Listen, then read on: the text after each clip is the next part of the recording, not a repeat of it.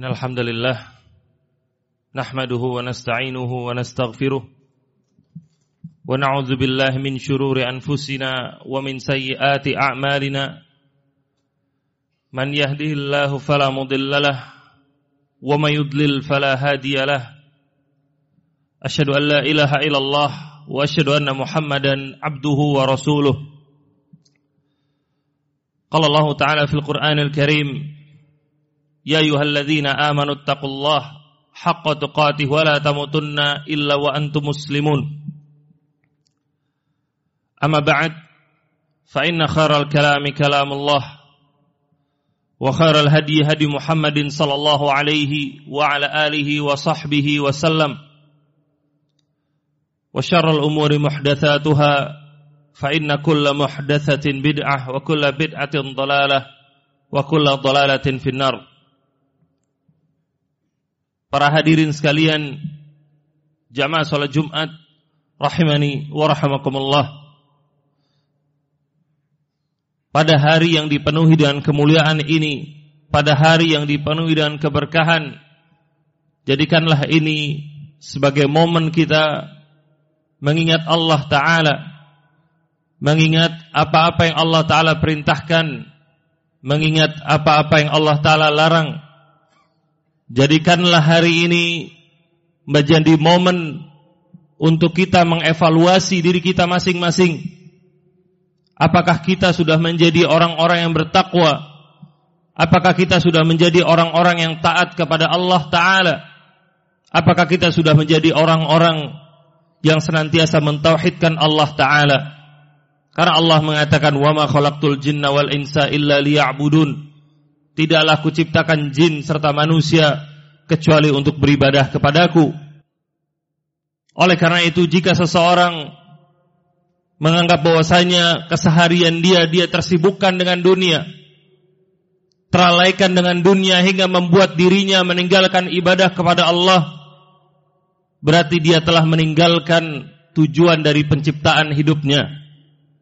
Adapun orang-orang yang bisa fokus konsentrasi dalam beribadah sepanjang hidupnya, maka berbahagialah dan selalu berdoa kepada Allah agar diberikan keistiqomahan dan diberikan husnul khatimah.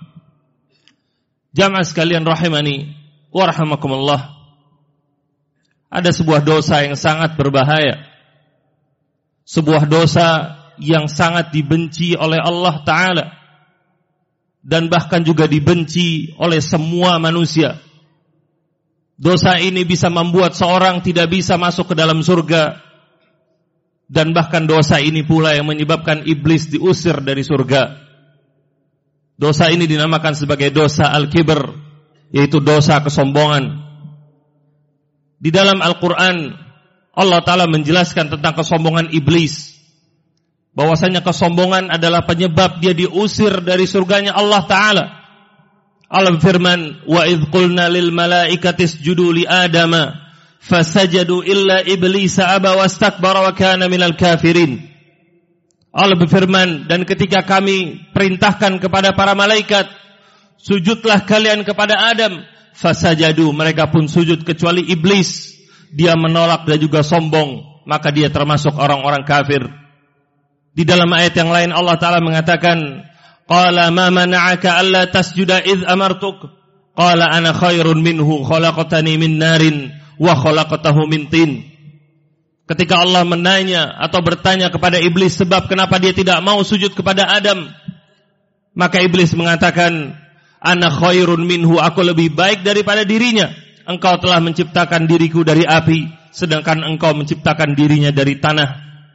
Maka Allah pun mengusir iblis dari surga selama-lamanya. Allah katakan, "Qala fahbit minha, fama yakunu laka an tatakabbara fiha, fakhruj innaka minas sagirin." Allah berfirman, "Maka keluarlah kamu dari surga, maka tidak ada gunanya kamu berbuat sombong di dalamnya. Keluarlah kamu sesungguhnya kamu termasuk orang-orang yang kerdil." Maka perhatikanlah ayat-ayat ini ikhwas kalian. Kesombongan adalah sunnah dari iblis. Maka orang-orang yang berlaku sombong di muka bumi ini, maka dia telah menjadikan iblis sebagai kuduahnya, sebagai teladannya. Jamaah sekalian, rahimani wa rahimakumullah. Kesombongan dalam Islam mencakup dua hal.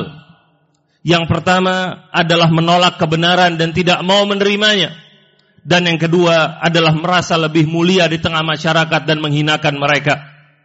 Hal ini disebutkan oleh Nabi SAW dalam hadisnya.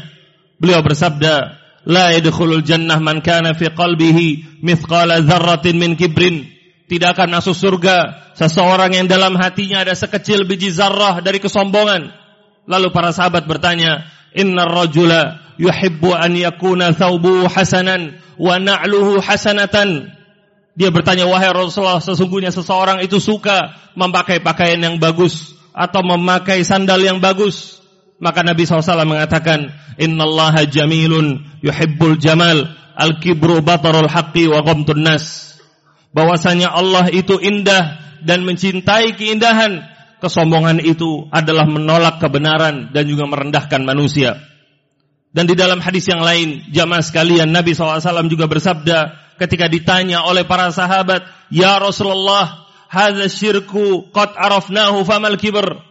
Para sahabat bertanya, "Wahai Rasulullah, kami sudah mengetahui apa itu syirik, tapi apa itu kesombongan?" Maka kemudian mereka bertanya, "Al-kibru an yakuna li ahadina na'lani hasanatan?" Wahai Rasulullah, apakah kesombongan itu ketika kita memiliki dua pasang sendal yang bagus? Maka Nabi menjawab, "La, bukan." Para sahabat bertanya lagi, "Huwa an yakuna li ahadina hullatun yalbasuha?" Apakah kesombongan itu ketika salah seorang dari kita memakai pakaian yang bagus? Maka Nabi menjawab, "La, tidak." Para sahabat bertanya lagi, "Huwa an yakuna li ahadina dabatun yarkabuha?" Apakah kesombongan itu ketika seorang mempergunakan atau menunggangi sebuah kendaraan yang bagus? Maka Nabi menjawab, "La, tidak." Para sahabat bertanya lagi, "Afa huwa an yakuna li ahadina ashabun yajlisuna ilaihi?" Apakah kesombongan itu ketika kita memiliki teman-teman para pembesar yang duduk bersama kita? Maka Nabi menjawab, "La, tidak." Lalu para sahabat bertanya, "Ya Rasulullah, famal kibar?" Wahai Rasulullah, kalau begitu apa kesombongan? Maka Nabi menjawab, "Safahul haqqi wa ghamtun nas." Menolak kebenaran dan juga merendahkan manusia. Ikhwas kalian rahimani wa rahimakumullah.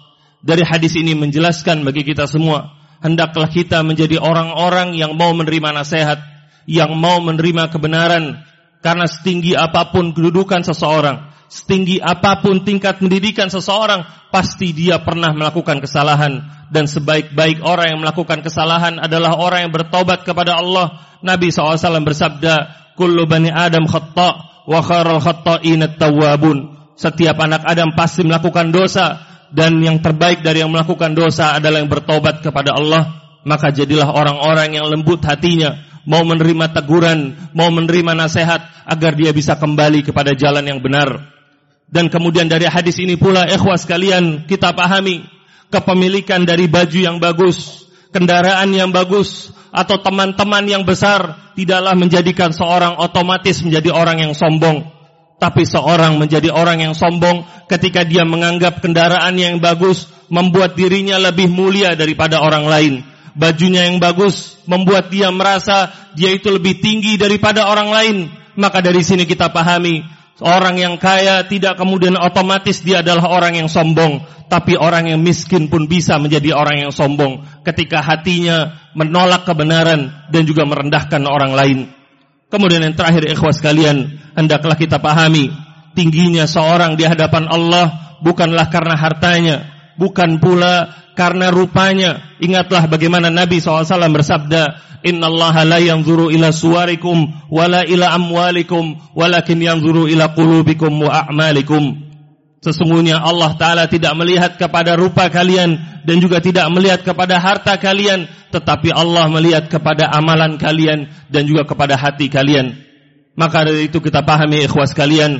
Hendaklah kita menjadi orang-orang yang berusaha menjadi orang yang mulia di hadapan Allah. Bukan berusaha menjadi orang-orang yang mulia di hadapan manusia. Dan pahamilah kedudukan seseorang, harta seseorang tidak otomatis menjadikan dirinya mulia di hadapan Allah tapi Allah Ta'ala mengatakan, Inna akramakum indallahi atqakum. Yang paling mulia di antara kalian adalah yang paling bertakwa kepada Allah. Orang-orang kaya adalah orang-orang yang memiliki modal besar untuk menjadi orang yang paling mulia di hadapan Allah. Maka dari itu manfaatkanlah kekayaan tersebut. Dan orang-orang miskin dia mempergunakan kesabarannya sebagai kendaraan menjadi orang-orang yang paling mulia di hadapan Allah Ta'ala. Maka dari itu pergunakanlah modal-modal masing-masing yang diberikan Allah Ta'ala. Aku qali hadha wa astaghfirullah min kulli dham fastaghfiruhu innahu huwal ghafurur rahim.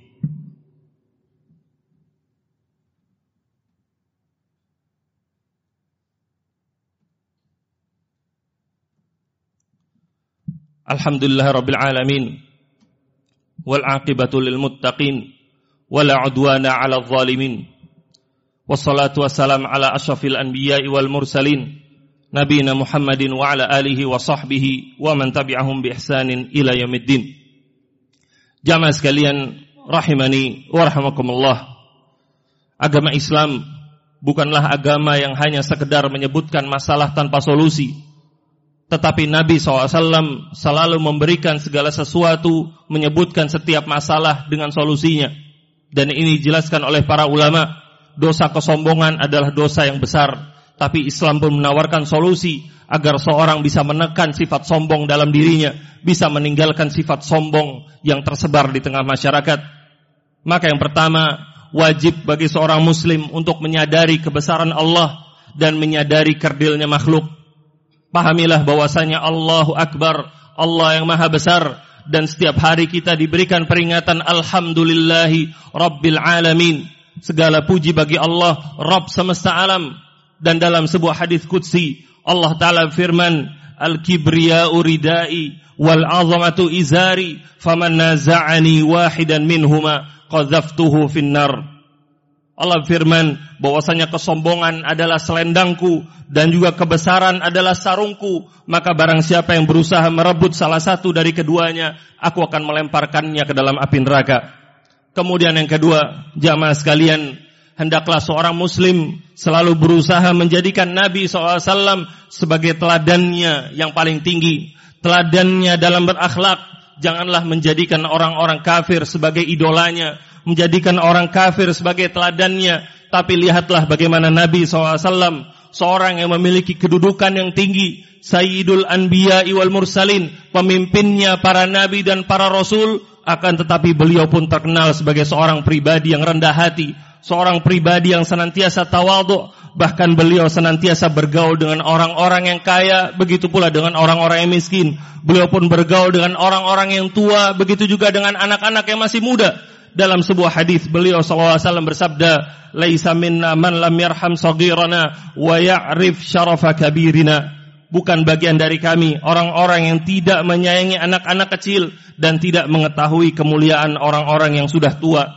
Maka dari itu Nabi SAW pun berdoa, Allahumma inni a'udzubika minal kasi wal minal kasali wal haram wal jubni wal bukhl wa su'il kibari wa fitnatid dajjali wa adzabil qabr. Ya Allah, Aku berlindung kepadamu dari sifat malas dan juga rasa pikun. Dan juga aku berlindung kepadamu dari sifat penakut dan juga pelit. Dan aku pun berlindung kepadamu dari buruknya kesombongan, dari fitnah dajjal, dan juga dari azab kubur. Kemudian yang terakhir jamaah sekalian, agar kita semua bisa berlepas dari kesombongan, maka hendaknya kita mengingat bahwasanya manusia itu berasal dari sesuatu yang hina, bukan berasal dari sesuatu yang mulia. Setiap manusia diciptakan oleh Allah dari sebuah mani yang keluar dari seorang laki-laki. Allah Ta'ala firman, Qutilal insanu ma.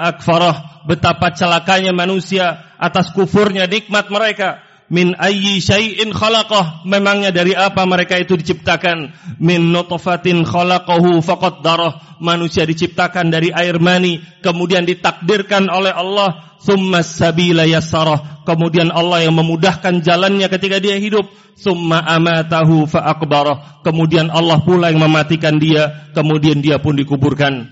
Ikhwas sekalian semoga khutbah yang singkat ini menjadi bermanfaat bagi kita menjadikan kita sebagai pribadi yang rendah hati dan menjauhkan diri kita dari sifat kesombongan. Inna Allah wa malaikatahu yusalluna ala nabi ya yuhalladzina amanu sallu 'alaihi wa sallimu taslima. Allahumma arda an arba'atil khulafa wa immatil hunafa Abi Bakar Siddiq, wa Umar Al-Faruq wa Zirrain Utsman wa Abi Sibtain Ali wa mannihim bikaramika wa fadlika ya arhamar rahimin.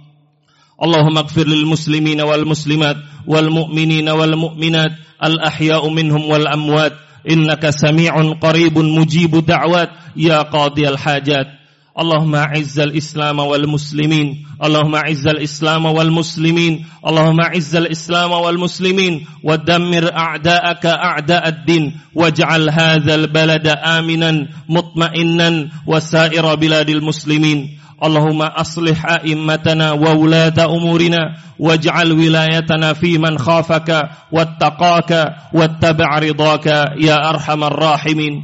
اللهم آت أنفسنا تقواها وزكها أنت خير من زكاها أنت وليها ومولاها. ربنا آتنا في الدنيا حسنة وفي الآخرة حسنة وقنا عذاب النار. وصلى الله على نبينا محمد وعلى آله وصحبه وأتباعه بإحسان. أقم الصلاة.